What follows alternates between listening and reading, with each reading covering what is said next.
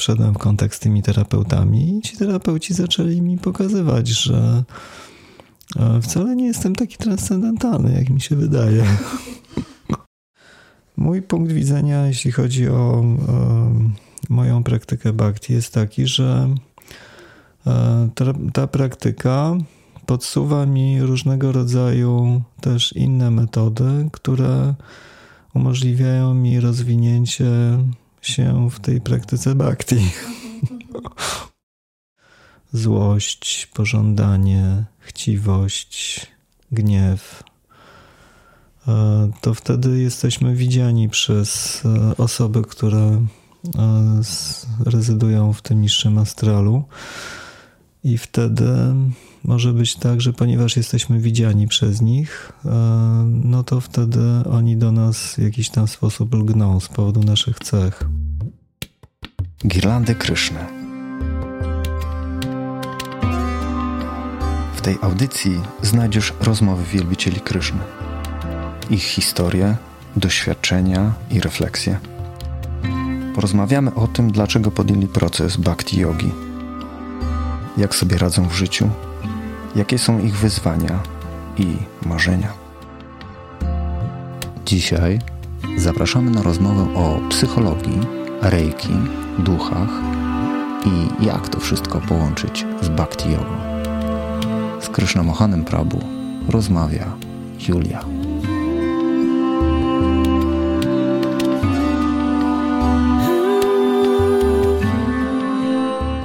Hare Krishna. Dzisiaj mamy możliwość przeprowadzenia rozmowy z Krishna Mohanem Prabhu. Słowem wstępu e, chcielibyśmy usłyszeć kilka słów Prabhu. E, jak długo jesteś e, w procesie bhakti yogi? E, kiedy ta cała historia się zaczęła i jak właściwie na nią trafiłeś, na tą bhakti yogę? No, zastanawiałem się nad tą kwestią kiedyś, od kiedy jak długo i jak trafiłem i czy jak trafiłem, to już tak jakby no byłem w tym procesie, czy, mhm. czy nie. No trudno powiedzieć, kiedy to się zaczęło. No w tym życiu to to się zaczęło e, chyba jak... Um, Miałem lat 11, czyli to było chyba gdzieś w okolicach 1970 roku. Mhm. Jak przez radio był puszczany przebój mantra Hare Krishna w wykonaniu Beatlesów. Mhm. Więc nie jestem pewien, czy to był 70 rok, ale możliwe, że tak. To trzeba by było jakoś tam mhm. ewentualnie sprawdzić. No i podobało mi się to śpiewanie, więc sobie tam podśpiewywałem trochę tą mantrę. Mhm. To było fajne. No a zacząłem czytać Bhagavad Gita. W, jakoś w, na początku lat 80., czyli w nie wiem, który to był rok, może 82, może 83. Mhm. Czytałem tą, to, to takie duże, stare wydanie, taka gruba książka. Mm, ograniczony nakład, tam chyba było 5000 egzemplarzy. No interesowała mnie ta pozycja, dlatego że e, już dużo wcześniej interesowała mnie filozofia jogi, filozofia wedyjska. Czytałem różne fragmenty z encyklopedii PWN, mhm, mhm. takiej dwunastotomowej. Tam było dużo ciekawych rzeczy. I praktykowałem wtedy hatha yoga. I interesowało mnie też intonowanie mantr. Więc eksperymentowałem z, z mantrą, która jest nazywana. No jest to jedna z, z tak zwanych Mahavakya, czyli tych wielkich stwierdzeń Upanishadów. Aham Brahmasmi. Mhm. A potem e, eksperymentowałem z intonowaniem Aum. No a potem jak um, kupiłem Bhagavad Gita na stadionie w Warszawie, to zacząłem też eksperymentować z Mahamantrą Hare Krishna. No i Eksperyment się. powiódł się? Eksperyment powiódł się. Jeszcze mhm. wcześniej um, kupiłem w komisie płytę z um, nagraniami Achyutananda Swamiego. Tam były pieśni Wajsznawa i też je sobie podśpiewywałem. Mhm.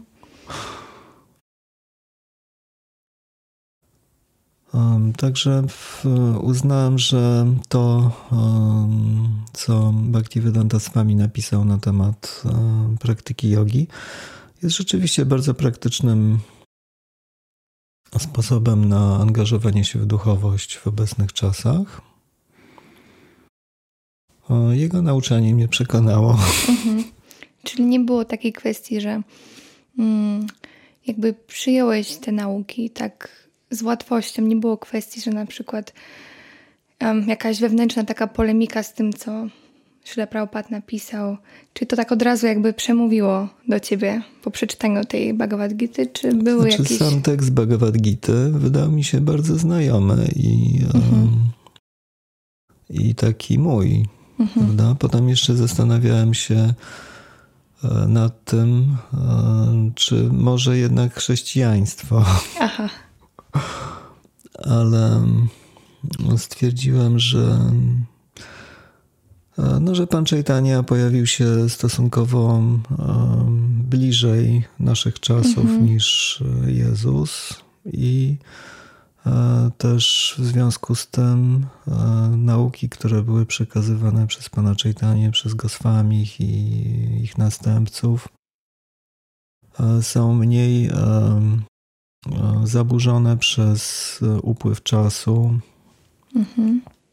Może ponieważ są świeższe i są um, no, mają taki bardziej dokładny przekaz przez sukcesję, e, że są bardziej zgodne z prawdą. Mhm.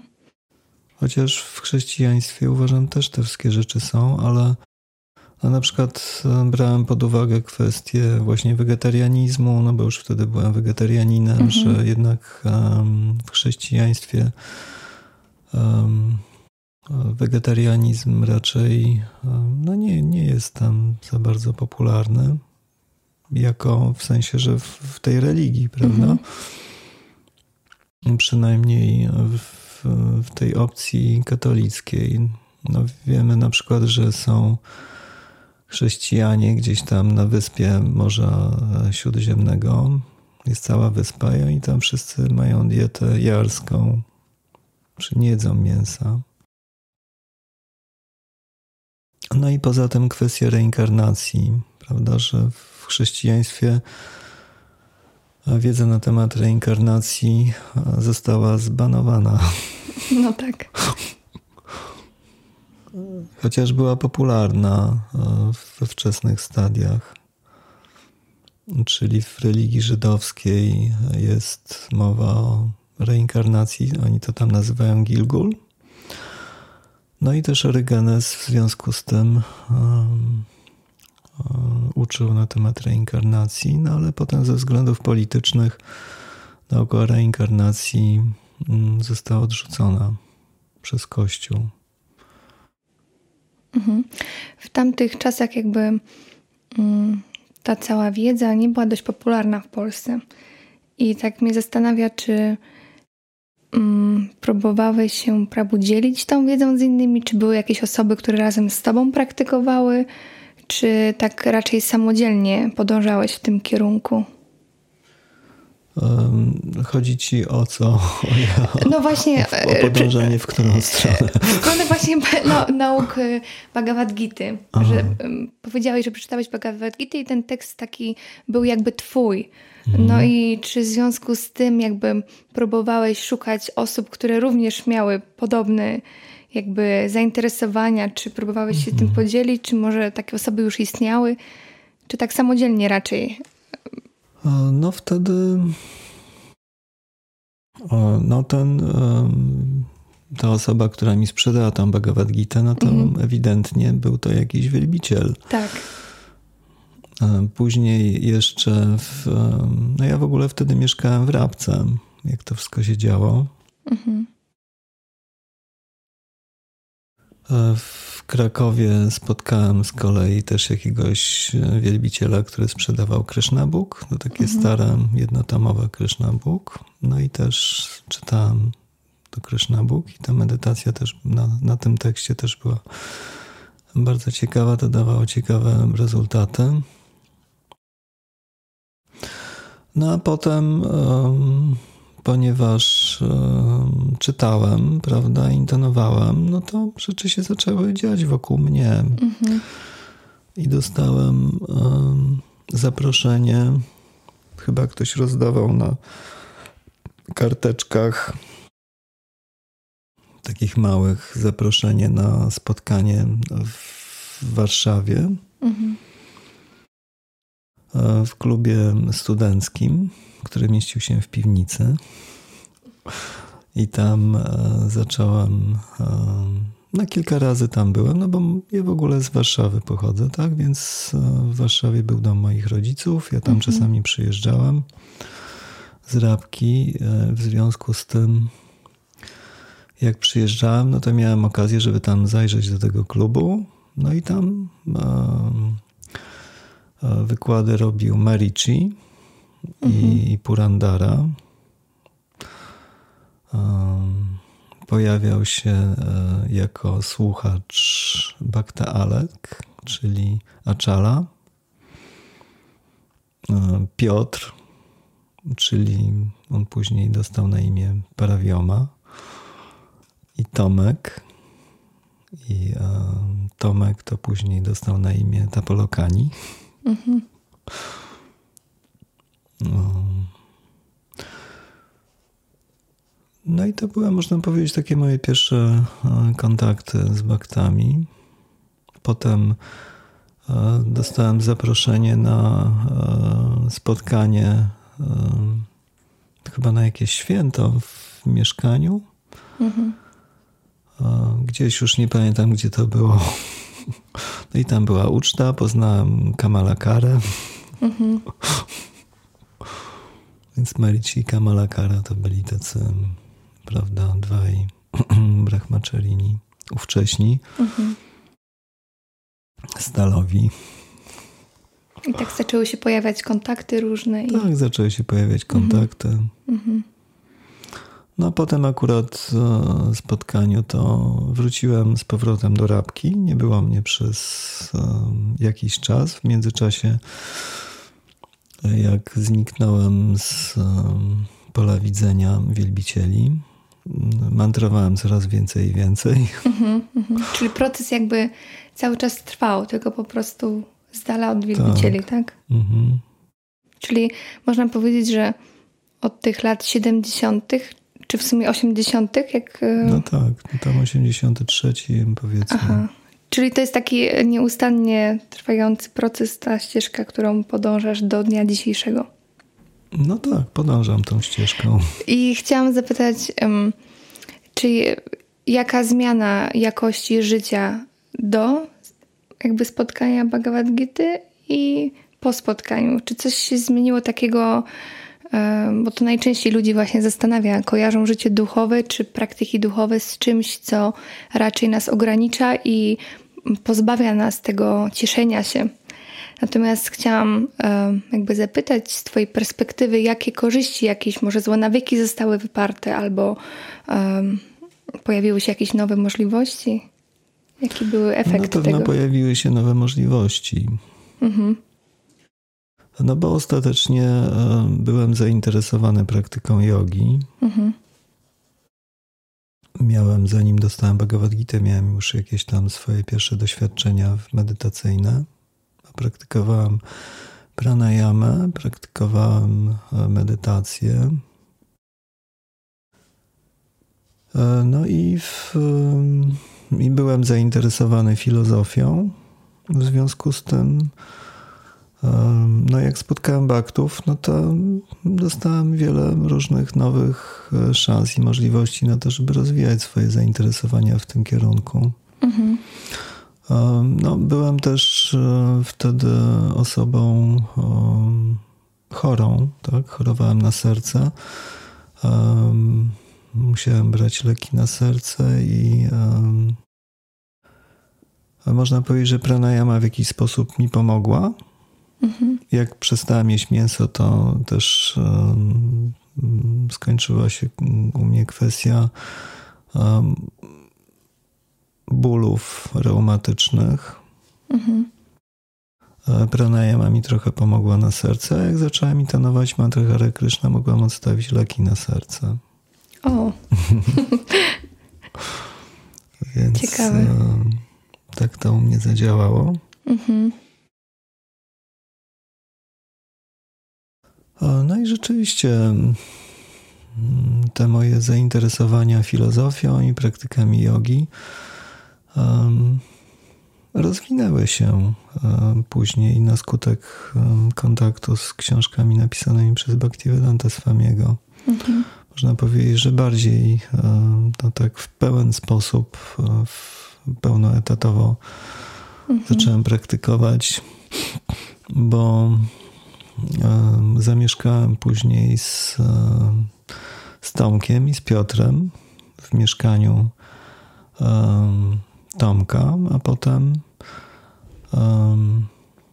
w mieszkaniu z Piotrem na Grochowie mhm.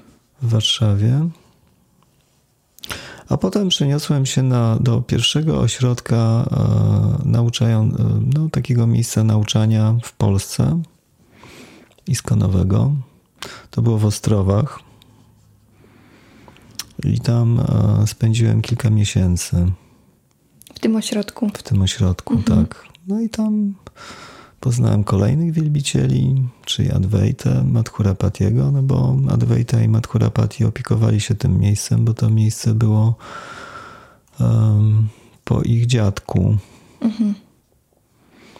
E, przy, przyjeżdżali tam różni ludzie, żeby zapoznawać się z, ze świadomością Kryszny. Różni hipisi przyjeżdżali. Mhm.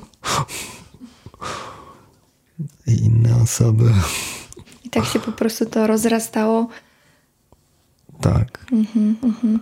No i zajmowałem się tam e, różnymi czynnościami, takimi jak na przykład obieranie kartofli. tak. Um, Miałem też swoje pierwsze kontakty z pszczołami mm -hmm. i z, ze zwierzętami gospodarskimi, czyli z, z koniem i z krową, -hmm. które tam były rezydentami. -hmm. I jak tam ten okres y, wspominasz? No, byłem wtedy młody i to wszystko było takie mhm. świeże. Było dużo wykładów puszczanych, e, mhm. prawda, z taśm. Było interesujące. Mhm. Tak. E, czy coś w, w, czas, na dzisiejszych czasach coś tęsknisz za czymś z tamtych początków? Coś brakuje z tamtych czasów? Bo ruch jakby i cały ten, cała ta ścieżka bhakti yogi no, zmienia się, ewoluuje z czasem. Tak. Dochodzą różni ludzie, którzy też wprowadzają różny nastrój, to wszystko się zmienia. No i um, czy w związku z tym są jakieś rzeczy, które wcześniej e, no, sprawiały taką większą przyjemność w tym procesie, czy cały czas jest tak samo przyjemnie, bo to jednak tyle lat upłynęło.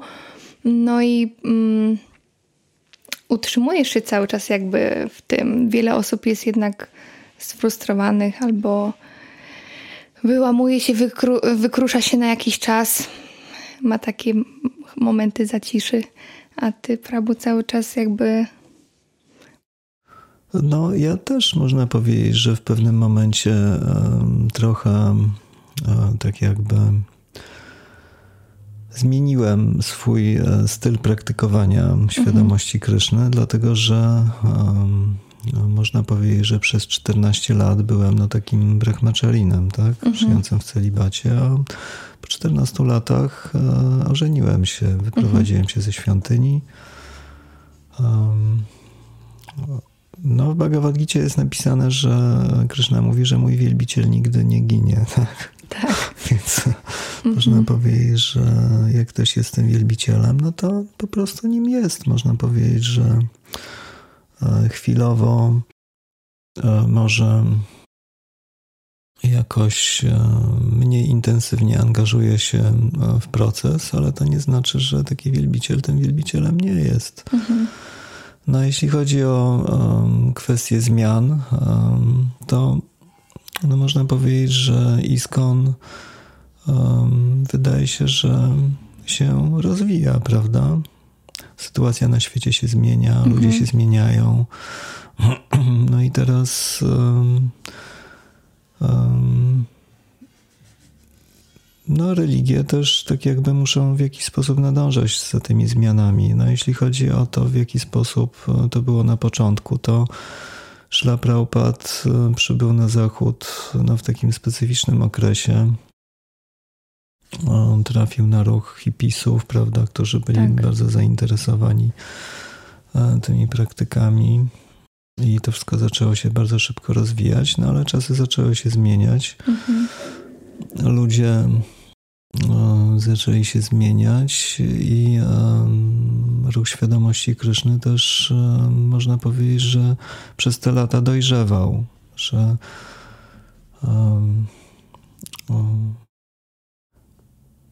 były jakieś e, wcześniejsze fazy tego rozwoju.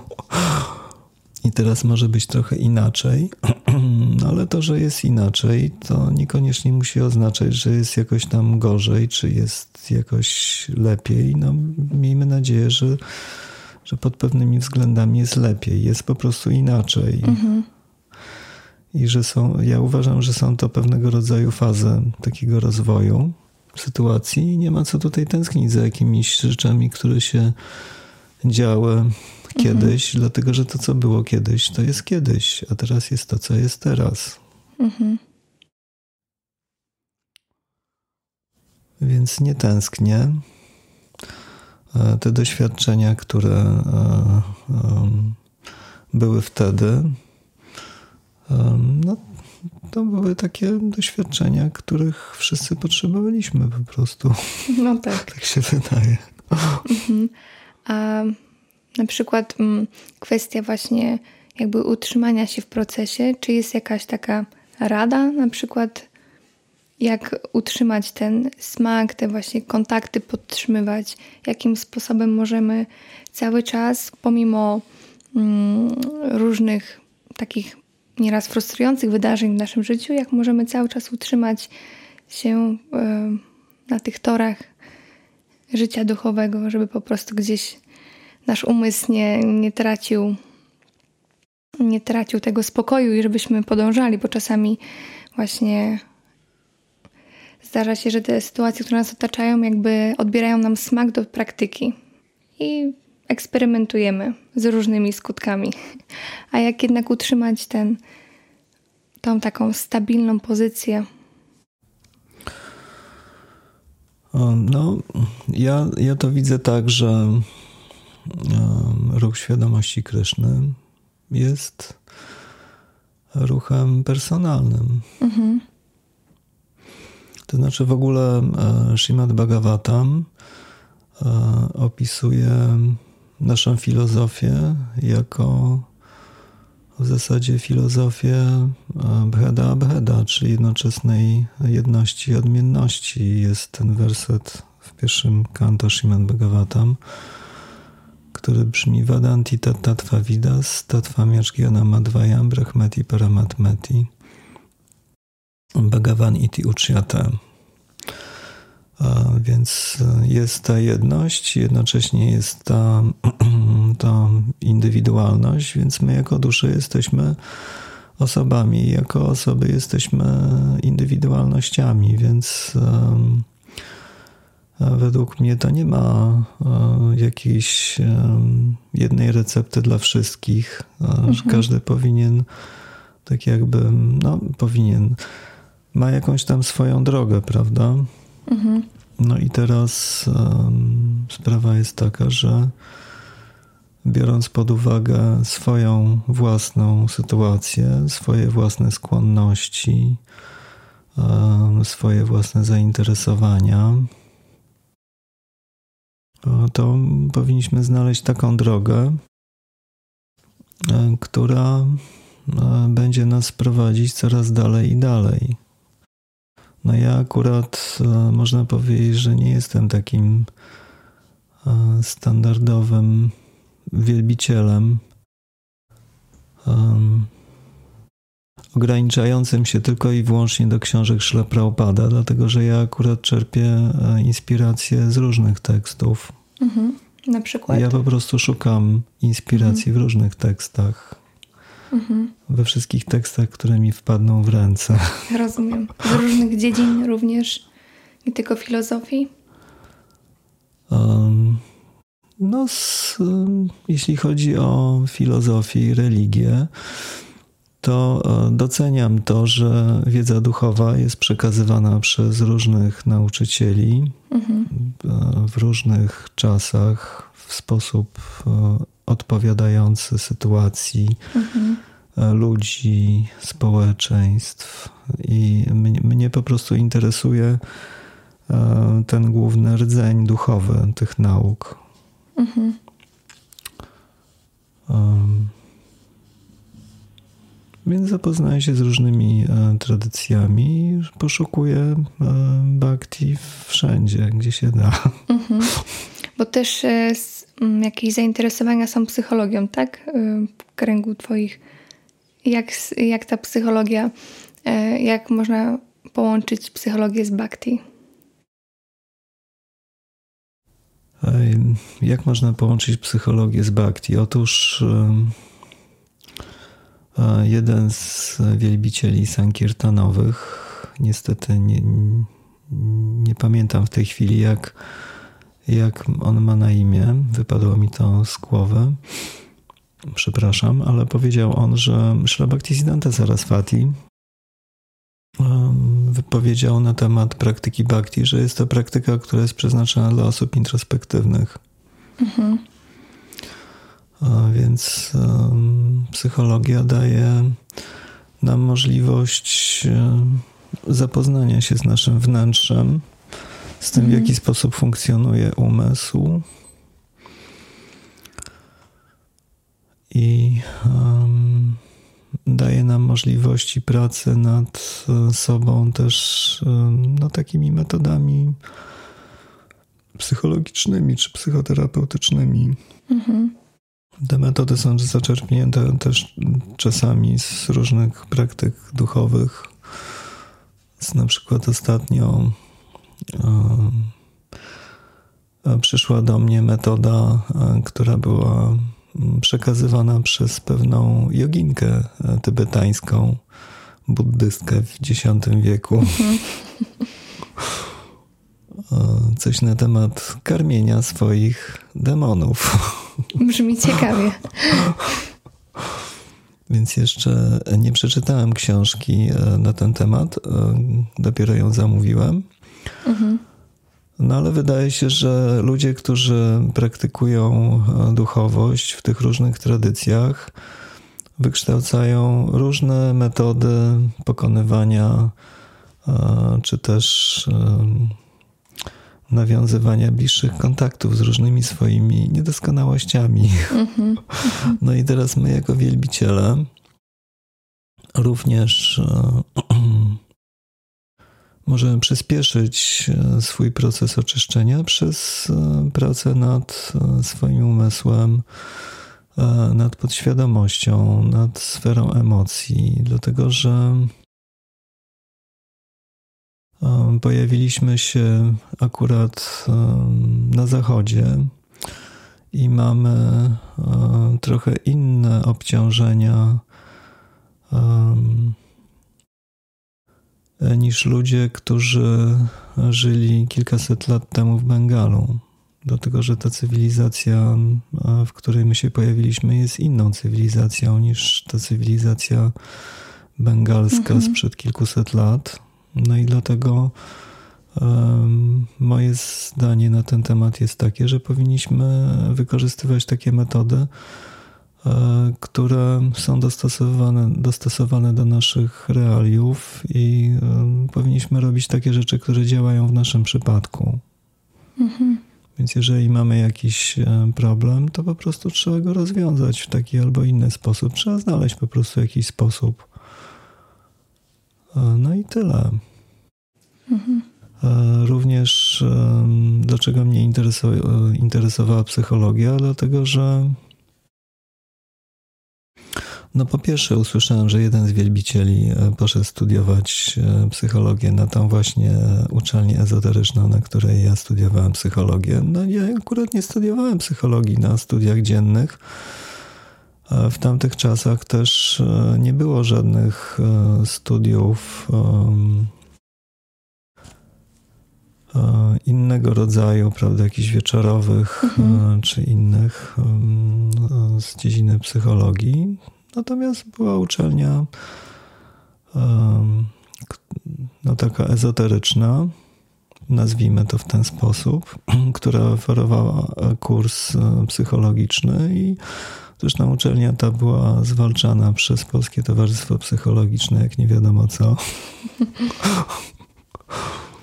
No ale e, dzięki e, tej e, uczelni wszedłem w kontakt z, z terapeutami, mhm. którzy e, no to było po, po ilość tam tych 14 latach bycia brahmaczarinem, prawda, głównym pujarim i e,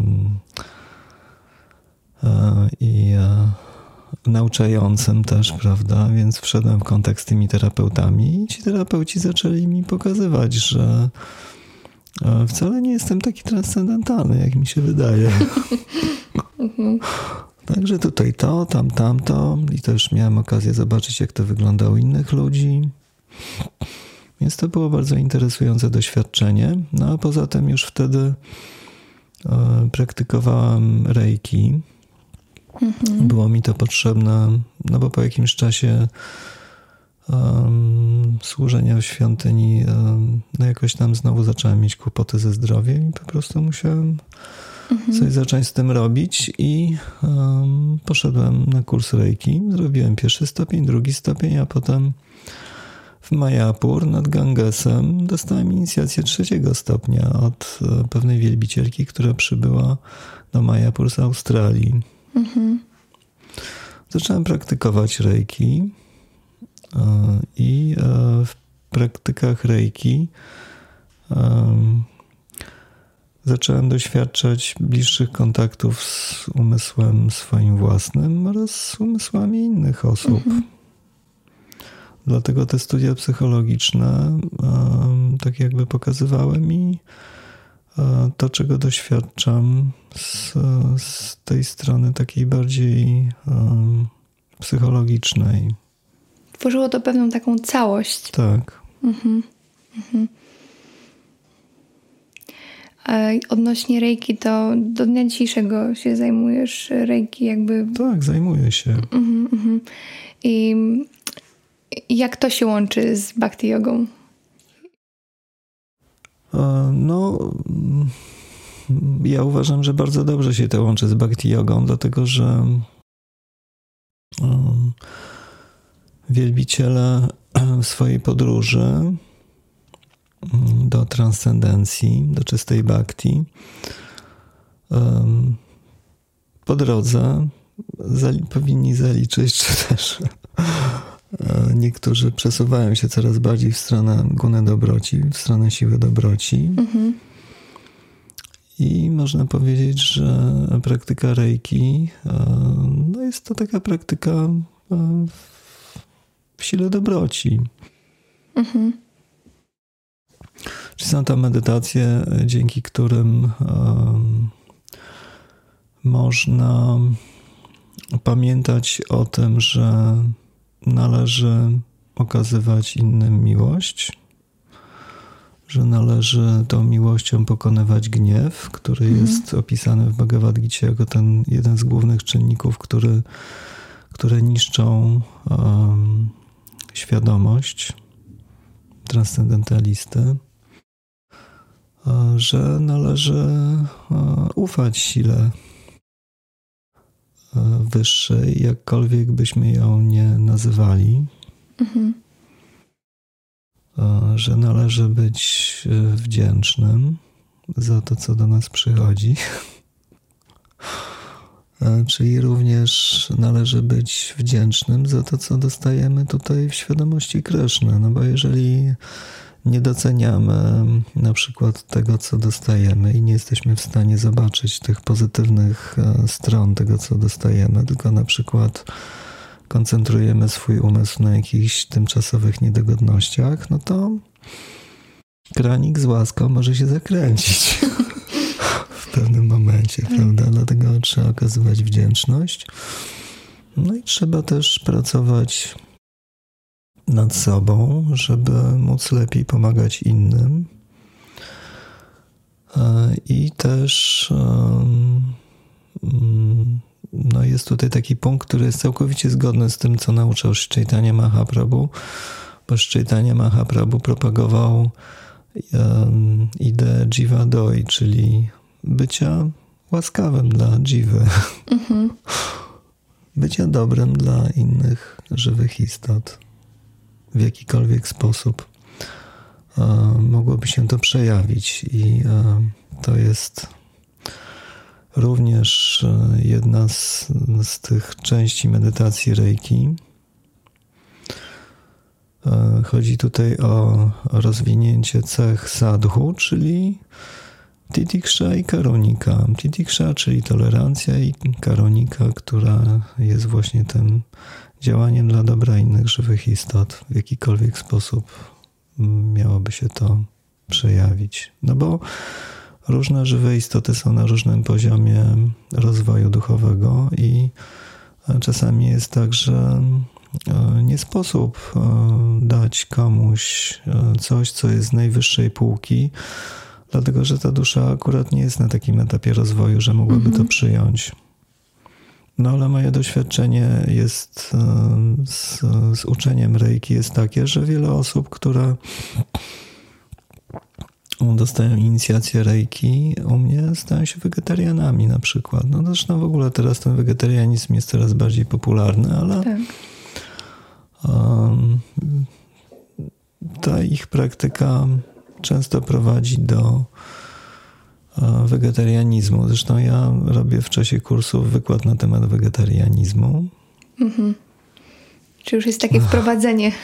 Tak, jest wprowadzenie i to ich jakoś tam przekonuje, prawda? Mhm.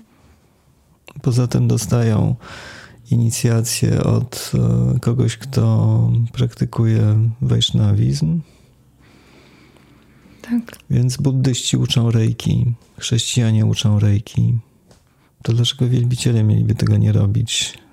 Mhm tak? Czyli chrześcijanie tam, prawda, swoje filozofie wplatają trochę w leki. Dlaczego my nie mielibyśmy, tak? Tak. Mhm. Jako metoda e, pewnego rodzaju przekazu. No i też jest to fajny sposób e, na przekazywanie pewnych treści duchowych, dlatego że w trakcie tych kursów wprowadzam pewne elementy e, wiedzy duchowej, w zależności od tego, na którym stopniu to szkolenie mhm. się odbywa, to, to jest taka albo inna część tej wiedzy. Mhm. Prze przekazywana. Tak, mhm. przekazywana mhm. w trakcie wykładów. Mhm. Czy jest to dla mnie sposób na wejście w kontakt z, też z ludźmi? Każdy bierze z tego to, co chce. Czyli niektórzy są zainteresowani po prostu rejki, a niektórzy też zaczynają się interesować różnymi rzeczami mhm. um, głębszymi. Akurat są na takim etapie, że to trafia jakoś w ich no potrzeby tak. i no. korzystają. Mhm. Tak to wygląda. A jeszcze taka kwestia jakbyś Prabu odniósł się do takiego stwierdzenia, że jakby wielu wielbicieli w Iskonie sadhaną przykrywa swoje problemy takie psychologiczne. Mam tutaj na myśli, że przykrywa w sensie maskuje, tak? Że mamy jakieś różne niedoskonałości, jakieś swoje demony umysłu i po prostu praktyką duchową próbujemy to wszystko stłumić. Czy zauważyłeś może występowanie takiego zjawiska wśród wielbicieli? Niekoniecznie tych takich, e, którzy dopiero zaczynają praktykować, ale takich z wieloletnim stażem, którzy jakby już mają tą podstawy tej filozofii i mają już ten proces oczyszczania taki na dość zaawansowanym poziomie, pomimo tego jednak te takie tendencje do takich różnych zachowań. No, ja bym to określił trochę inaczej, że to nie jest um, świadoma próba mhm. zamiatania rzeczy pod dywan, jak to się nazywa. I to też nie jest mój pomysł, bo ja o tym usłyszałem kiedyś, jak jeszcze mieszkałem w świątyni. Mhm. O przykrywaniu sadhaną swoich anarthas. Mhm. No, czyli po prostu chodzi o to, że jak jesteśmy tacy skupieni na, na służbie oddania, ale nie mamy mm, tej introspekcji, e, to um, wydaje się, że tracimy z pola widzenia e, te różnego rodzaju nasze niedoskonałości, dlatego że proces świadomości Kryszny tak jakby umieszcza nas ponad nimi. Czyli mhm. stajemy się um, przez nasze zachowania transcendentalni. Zresztą też e, jest um, takie zjawisko, że e, w momencie, kiedy trafiamy do społeczności wielbicieli, to mamy e, otoczenie, pewnego rodzaju standardy, Mhm. Mamy przestrzegać tych standardów. To są standardy do, do, dotyczące zachowań. I wydaje się, że um, dostosowujemy się do tego. To trochę um, przypomina tak, takie zmiany po prostu behawioralne, prawda? Ale nie zawsze to jest tak, że za tymi zmianami w zewnętrznych zachowaniach podążają zmiany w sferze emocji i w umyśle. No można powiedzieć, że też sposób zachowania, on też wpływa na nasze emocje i na nasz umysł, ale czasami e, tak jest, że te zewnętrzne zmiany, one nie sięgają wystarczająco głęboko, żeby dokonać jakichś fundamentalnych zmian w człowieku. Mhm. E, czyli no w psychoterapii to ta terapia behawioralna jest bardzo użyteczna w zwalczaniu fobii, na przykład. Czyli jak ktoś się boi na przykład jakiegoś, jakiejś formy czynności, czy jakiejś sytuacji, to najpierw obserwuje, jak inni to robią, i przyzwyczaja się do myśli, że tak w ogóle można, i potem samemu ktoś zaczyna próbować, prawda? I w ten mhm. sposób e, rozwija się, rozwijają się takie zewnętrzne zachowania, ale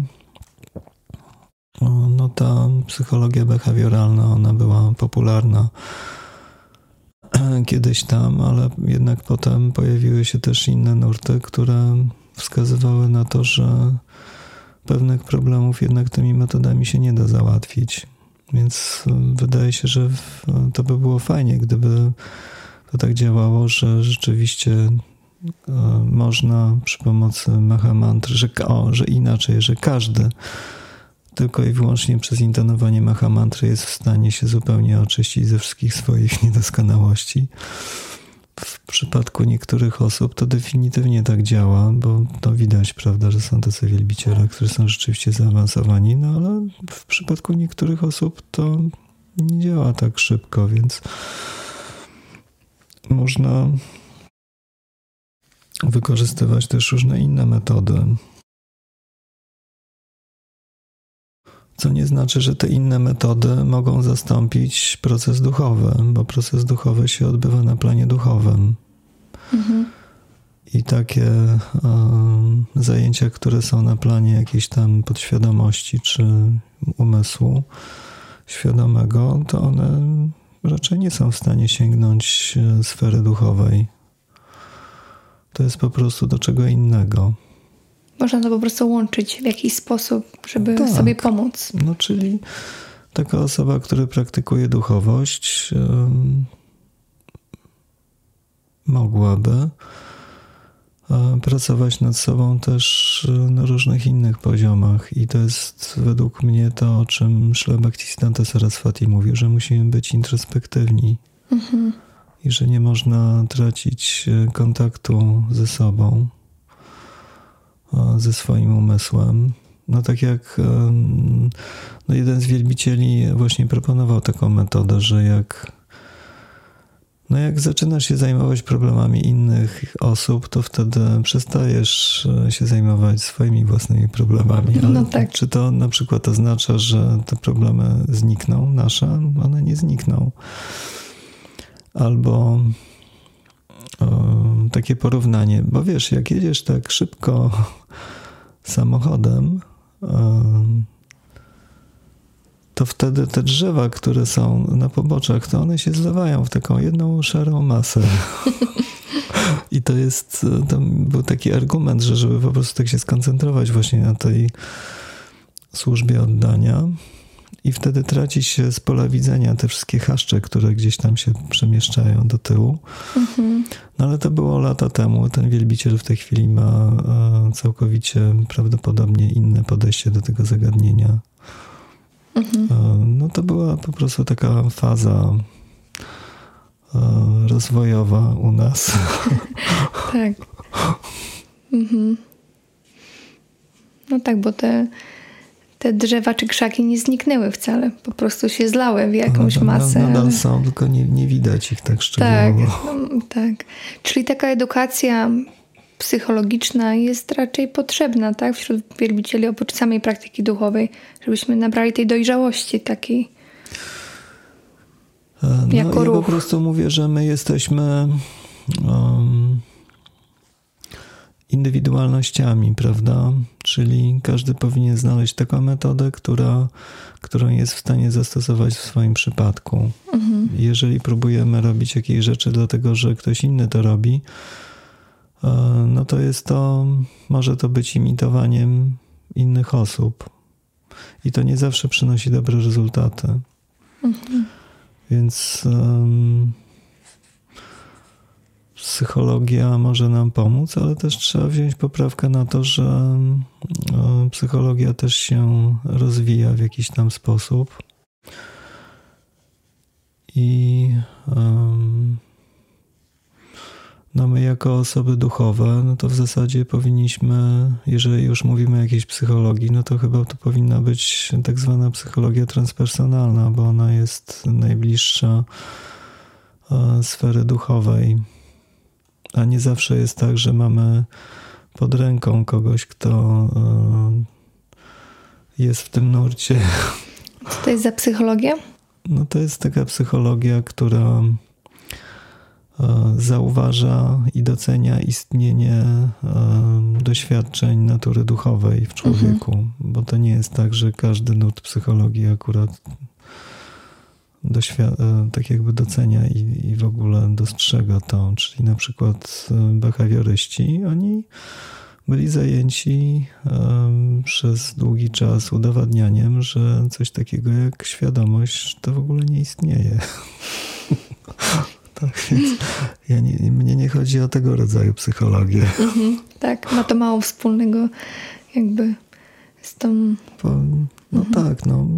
no. Zresztą teraz to wszystko się bardzo szybko rozwija i jest e, sporo różnych ciekawych metod, które można stosować no, jako metody wspomagające nasz rozwój duchowy. Mhm. A jak Mm, Prabu widzisz swoją, swoją praktykę, swoje życie duchowe mm, w ciągu następnych powiedzmy 20 lat? W jakim kierunku będzie zmierzać? Czy w jakim kierunku się rozwijać? Co najbardziej Ciebie przyciąga w tym całym procesie? Co mnie przyciąga. Tak, i jak siebie widzisz za 20 lat? No ja ogólnie rzecz biorąc nie widzę siebie za 20 lat. No takim jasnowidzem nie jestem. Tak. Nie wiem, co Mhm. będzie. Zobaczymy. To jest też taki element niespodzianki. Mhm. Jakbyśmy wiedzieli, co będzie, to życie byłoby nudne. Zdecydowanie. A tak, no zobaczymy, co będzie. A to, że coś w tej chwili mnie absorbuje, to nie znaczy, że e, te same rzeczy będą mnie absorbowały w przyszłości. Mhm. E, Dlatego, że no na pewno jak byłem pujarim w świątyni, to inaczej patrzyłem na proces świadomości Kryszny niż wtedy, kiedy jeszcze tym pujarim nie zostałem. Mhm. W tej chwili o, też widzę to zupełnie wszystko inaczej niż o, wtedy, kiedy byłem tym pujarim w świątyni. Czyli w zależności od tego, jak e, zmienia się nasza świadomość, jak się rozwija, jak się oczyszcza, to zaczynamy dostrzegać zupełnie nowe rzeczy.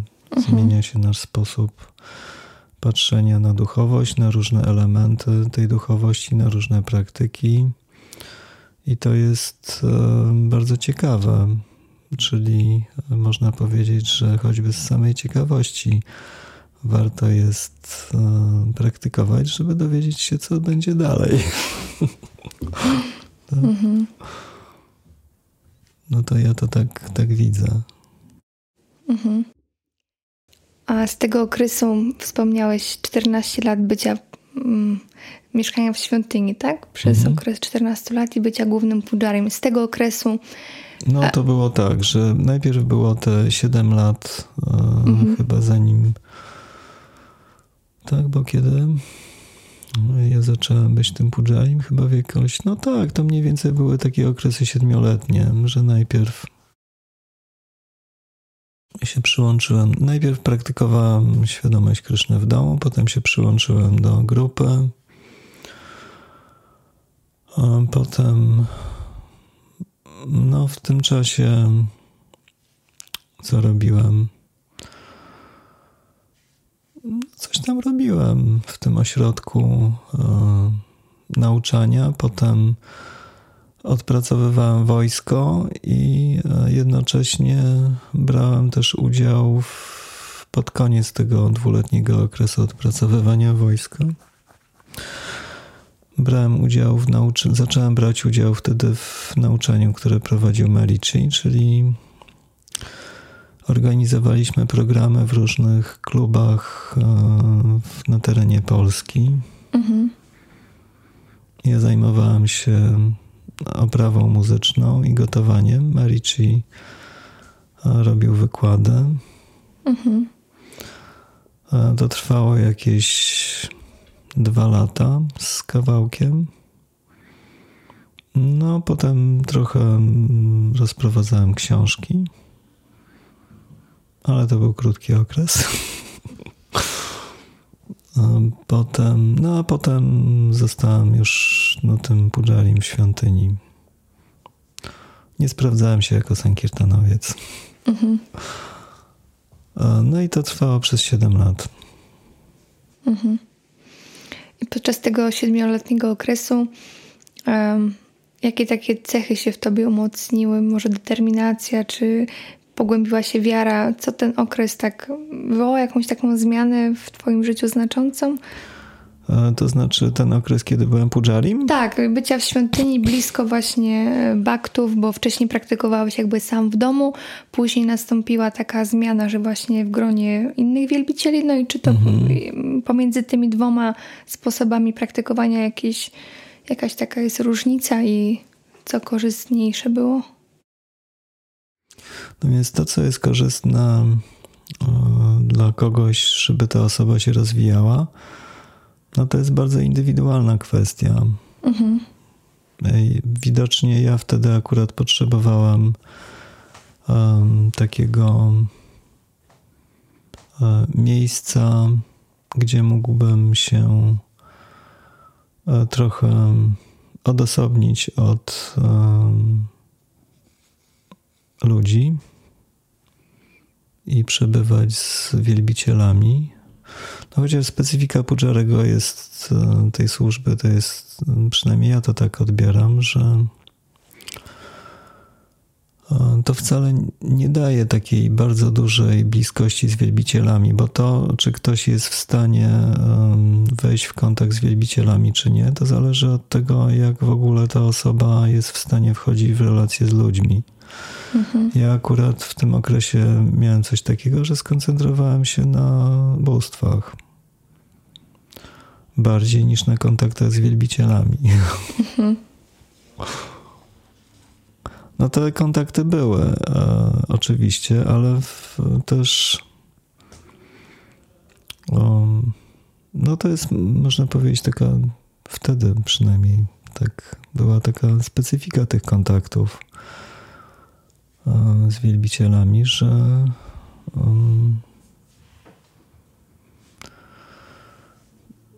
nie odbieram ich jako takie bardzo głębokie. No z niektórymi osobami nawiązywałem rzeczywiście głębsze relacje, ale nie było tych osób bardzo dużo. No to hmm. to wynika trochę z, z takiej sztywności etykiety, Wajsznawa, bo ci e, jako wielbiciele staramy się przestrzegać etykiety. I to też jest tak, że z tą etykietą do Bhakti Charuswami e, powiedział kiedyś, że etykieta Wajsznawa to jest sposób, w jaki traktujemy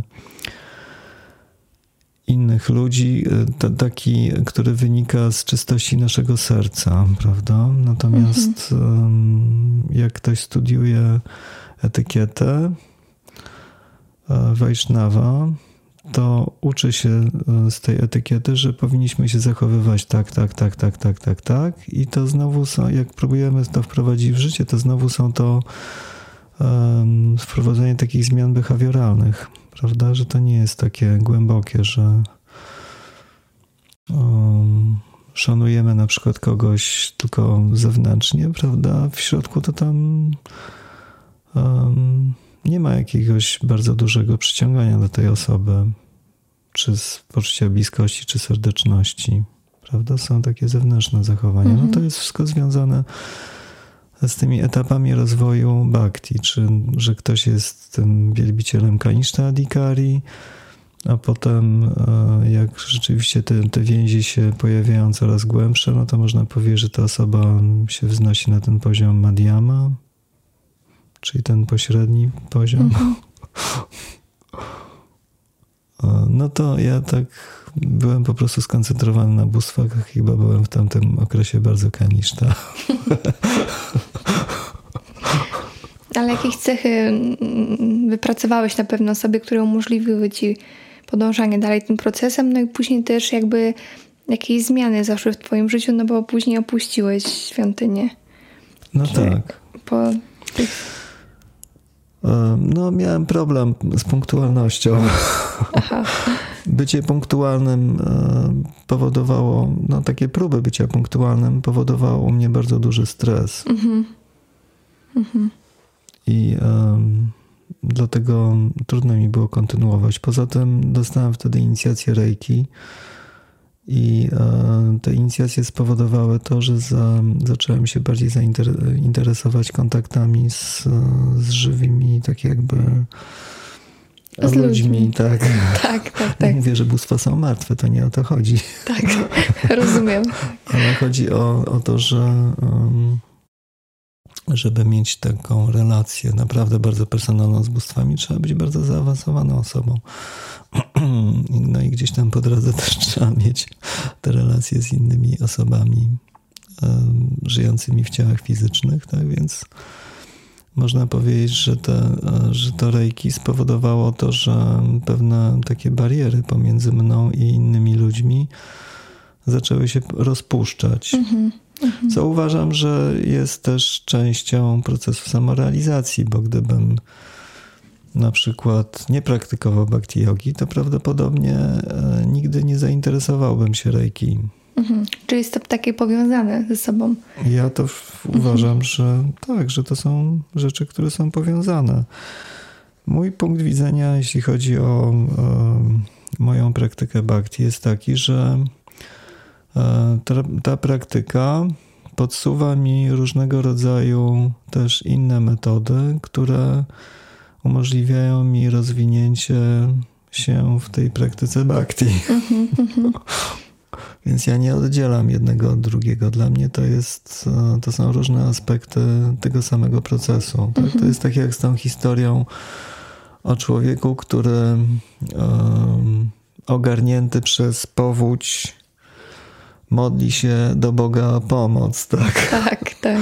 I w końcu nadpływa łódź, mm-hmm, prawda? I ktoś może widzieć tą łódź jako e, tą ingerencję boską, a ktoś może tak. widzieć tą łódź jako coś całkowicie materialnego, co trzeba odrzucić. odrzucić. Mm-hmm, mm-hmm.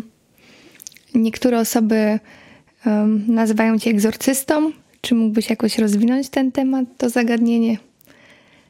Jak wiele masz wspólnego i czy to jest prawdziwe stwierdzenie, że jesteś egzorcystą? No jeżeli wziąć pod uwagę to, że jestem wieloma różnymi rzeczami, no to można powiedzieć, że jestem też egzorcystą. Tak? Ale, tak. ale to nie jest tak, że ja się jakoś szczególnie interesuję egzorcyzmami, mhm. że mnie to w jakiś szczególny sposób interesuje. Ja po prostu, jak czasami robię jakąś ofiarę ogniową, to moją intencją jest też e, to, że e, zapraszam różne e, dusze, które są uwięzione w jakiś sposób na planie ziemskim. Mhm. Jeżeli mają ochotę, nie robię tego zawsze, prawda, przy każdej okazji, ale czasami tak robię. Więc zapraszam takie dusze, które są uwięzione na planie ziemskim, e, żeby w, weszły w ten e, kanał energii, który otwiera się na skutek zapalenia ognia ofiarnego. Mhm. I żeby przez ten kanał te dusze udały się do wyższych wymiarów. Raz mi się zdarzyło, że robiłem takie oczyszczanie domu starego. Mhm. Ale no to była jedyna taka ofiara ogniowa, którą robiłem tylko i wyłącznie w takim celu. Mhm. Zdarza się, że w czasie e, terapii reiki czy jakiejś bioenergoterapii, którą robię, no to jakieś też e, te dusze opuszczają aurę e, osoby, która jest poddawana takiej terapii, ale to jest tylko tak przy okazji. Mhm. Raz zdarzyło mi się spotkać młodego człowieka, który wydaje się, że miał problem z taką osobą, ale mm, no, to był taki problem, którego ja nie byłem w stanie ruszyć. Mhm. No i to tyle na ten temat. Tyle na temat egzorcyzmu. Mhm. Poza A... tym, e, co jeszcze mogę dodać? Mhm. Ja uważam, że duch też człowiek, chyba że jest duchem psa, na przykład, albo innego stworzenia. Mhm. Więc um, też powinniśmy tutaj stosować zasadę Jivadoi mhm. i w jakiś sposób starać się tym osobom pomagać. Mhm. No, nie, no kiedyś, kiedyś też zapra byłem zapraszany do jakiegoś mieszkania, tak, bo, bo były tam jakieś niepokoje. To było związane z tym, że mały chłopczyk, on miał może 4-5 lat, nie mógł spać w nocy. No i okazało się, że była tam też pewna babcia, mhm. E, która prawdopodobnie e, no, szukała dla siebie jakiegoś otoczenia. Była samotna i akurat um, zatrzymała się w tym mieszkaniu. Więc no tak, no tłumaczyłem jej, że nawiązałem z nią kontakt i tłumaczyłem jej, że może jednak znalazłaby pani jakieś inne miejsce dla siebie, bo tutaj no to to dziecko po prostu ma problem z tym. Mhm, jest niepokojone. Jest niepokojone. Mhm. No jeśli chodzi o tą kwestię z, um, dusz, um, które są więzione na planie ziemskim albo są z innego astra, z niższego astralu, one są przyciągane do nas E, z powodu naszych cech wewnętrznych, czyli jeżeli mamy cechy e, z niższego astralu, takie jak strach i pochodne, czyli złość, pożądanie, chciwość, gniew, e, to wtedy jesteśmy widziani przez osoby, które rezydują w tym niższym astralu. I wtedy może być tak, że ponieważ jesteśmy widziani przez nich, e, no to wtedy oni do nas w jakiś tam sposób lgną z powodu naszych cech. Mhm. Więc to nie jest kwestia taka, że należy się po prostu pozbyć tego towarzystwa, tylko chodzi o to, że należy zmienić swoje wnętrze i wtedy jak zmieniamy wibracje, to tak jakby znikamy z ich świata i e, mhm. wtedy nie mamy z tym kontaktu. No jeszcze inne, inna opcja jest taka, że ktoś świeci bardzo jasnym światłem i to jest drażniące dla tych osób. Mhm. I oni wtedy starają się tak jakby zgasić to światło. Tak też bywa. I stąd to przyciąganie z powodu tak, tej chęci zgaszenia. Że oni po prostu mhm. są zaniepokojeni tym. No ale najczęściej to jest tak, że osoba po prostu osobę trzeba uzdrowić emocjonalnie i wtedy e, te istoty tracą punkt zaczepienia i znikają z pola znikają widzenia. Z, tak, przestają mhm. się interesować. Mhm. Albo może być też tak, że po prostu przychodzą po pomoc. Mhm. Widzą w nas jakiś obiekt, który może. Mm, jakąś pomóc. taką osobę, którą, która może pomóc. Tak. Mhm. No i wtedy, jak potrzebują pomocy, no to wtedy można coś zrobić, żeby im pomóc. Mhm. A też e, prawo wspomniałeś, że te ofiary ogniowe robiłeś, no i przy okazji zapraszałeś te dusze, ale nie, nie przy każdej okazji. A co wynikało, że jedna okazja była lepsza od drugiej, żeby takie dusze zaprosić? Czy to tak spontanicznie taki wybór? No na przykład, e, jeżeli e, czuję w jakiejś przestrzeni, że takie osoby są, mhm no to wtedy, jeżeli robię w takim miejscu ofiarę ogniową, mhm. w jakichś na przykład starych dzielnicach miast, w starych zabudowaniach, mhm. no to wtedy czuję się, prawda, że przynajmniej ja to czuję, bo jak się praktykuje rejki, no to wtedy percepcja się wyostrza na te rzeczy. Mhm. Czyli zaczyna się odczuwać więcej, zaczyna się widzieć więcej i wtedy bardziej się reaguje na, na te rzeczy. Czy też można bardziej reagować na te rzeczy, jak, jak się one pojawiają w polu naszej świadomości. Więc jeżeli w jakimś miejscu robię takie ceremonie, no to wtedy robię tak. Jeżeli na przykład robię jakąś ceremonię za pomyślność osoby zmarłej, mhm no to też w jakiś sposób też świadomością kierunkowuje, daje jakieś wsparcie energii. A dla tej osoby, która odeszła, żeby miała mhm. większy potencjał w swojej podróży mhm. dalszej. Dlatego, że te osoby, które odchodzą, one e, potrzebują często wsparcia osób, które żyją na Ziemi ludzie, którzy żyją na Ziemi, mają kontakt z energią planety, prawda? Z energią Ziemi. Natomiast jak ktoś traci kontakt ze swoim ciałem fizycznym, to ta traci kontakt tak jakby z tą mhm. energią. I jeżeli osoby, e, które żyją na Ziemi, koncentrują się na takiej osobie zmarłej z, mhm. z życzliwością, i z pozytywną intencją, no to wtedy ta osoba też dostaje pewnego rodzaju zastrzyk pozytywnej energii mhm. od osób, które są akurat ukorzenione. No bo nie każda osoba, która odchodzi e, z ciała, ma takie, połą- takie jakby połączenie z wyższymi wymiarami, z, z tą egzystencją duchową, że może się całkowicie tak jakby e, wesprzeć tym, tym połączeniem z górą. Mhm.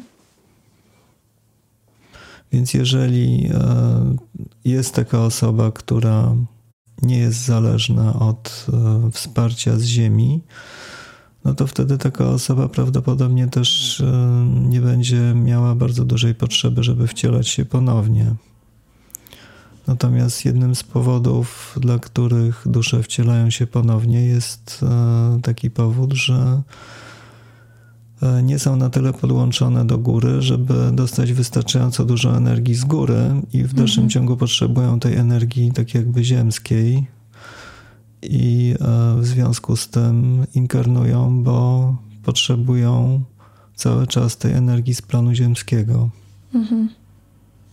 I wracają tutaj. I wracają. Czyli na przykład, jeżeli ktoś ma bardzo duże wsparcie od e, osób, które żyją na Ziemi i e, taka, taki ktoś dostaje tą energię ziemską, no to może ona e, być w tych wyższych wymiarach powiedzmy dłużej, czyli może mieć dłuższy ten okres pomiędzy wcieleniami. Mhm.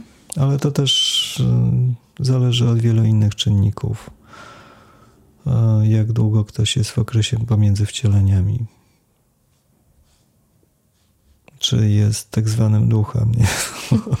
No bo w tych wyższych wymiarach są różne obszary. E, są obszary związane z tymi cechami z, z niższego astralu, czyli pochodne strachu, czyli generalnie brak miłości. I są też e, te obszary związane z wyższym astralem, czyli miejsce, gdzie są pochodne miłości. Są też obszary, które są związane z planem mentalnym. No i tam tych emocji nie ma już tak bardzo dużo. Głównie jest świadomość, to jest taki świat idei platański, nazwijmy to w ten sposób. Mhm. No i jeżeli e, ktoś przechodzi e, na ten plan astralny, jest to związane z pożegnaniem się z ciałem fizycznym. Jeżeli e, później wyczerpuje się pewien potencjał ciała emocjonalnego, to wtedy tak jakby następuje kolejna śmierć w świecie astralnym. I ktoś trafia właśnie do tego regionu mentalnego, a jeżeli nie ma wystarczająco dużo potencjału, na przykład, żeby przejść do świata mentalnego, żeby pójść wyżej, no to wtedy schodzi niżej. Mhm. I to wszystko jest um, w jakiś sposób um, związane z tym, co jest opisane w Srimad Bhagavatam jako te różne poziomy świadomości, czyli różne loki tak zwane. Mhm.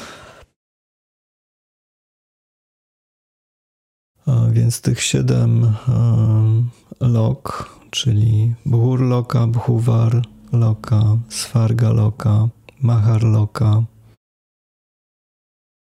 potem Tapoloka, tak, Brahma Loka. One funkcjonują w makrokosmosie i poziom wibracji na tych, w tych światach jest mniej więcej skorelowane z wibracjami e, siedmiu różnych centrów świadomości w ciele ludzkim, czyli tak zwanych czakr. Mhm. Czyli w zależności od tego, e, na poziomie jakiej czakry czyjaś świadomość się znajduje, to na takim poziomie po śmierci ktoś, na taki poziom ktoś się udaje po śmierci. Mhm. No i później e, zazwyczaj no dopóki nie zakończy procesu swojej ewolucji, to musi wracać. Proces świadomości Kryszny przyspiesza tę ewolucję. działając jako no, taki proces jogi, prawda? Mhm, no tak. Z tym, że dla jednych to działa bardziej, dla których mniej, no bo też różnego, dusze o różnym poziomie zaawansowania praktykują ten proces. Zbliżamy się ku końcowi naszej rozmowy i tak, aby skonkludować ten wspólnie spędzony czas, chciałam zapytać, w jaki sposób możemy być e, właśnie otwarci na poszukiwanie inspiracji z różnych dziedzin źródeł? E, no właśnie po pierwsze to trzeba właśnie być tym poszukiwaczem inspiracji. Cały czas e, szukać tych rzeczy, które w jakiś sposób nas nakręcają w podążaniu na, na ścieżce duchowej. No i unikać jakichś takich rzeczy, które powodują, że stajemy się zniechęceni. Czyli powinniśmy się poznać na tyle, poznać siebie, zaakceptować się też, żeby po prostu wiedzieć, co nas inspiruje w danym momencie, a co nie. Iść w tą stronę, która nas inspiruje. Mhm. I poszukiwać różnych metod radzenia sobie z, ze swoimi problemami. Takich, które będą działały dla nas. Żeby były, żeby były po prostu skuteczne dla nas. Mhm. No i w ten sposób możemy posuwać się cały czas naprzód. Chociaż e, to, e, że my się posuwamy naprzód, to niekoniecznie musi oznaczać, że inni e, koniecznie muszą to widzieć w taki sposób. Mhm. Prawda? Bo czasami bywa tak, że no, na przykład ktoś, kto jest no, brahmaczarinem, prawda? Jest taki wspaniałym tym brahmaczarinem i on się żeni i wszyscy są załamani, bo tutaj, prawda, ta osoba... Jak to? Jak to i tutaj i tak dalej. Ale to chodzi o to,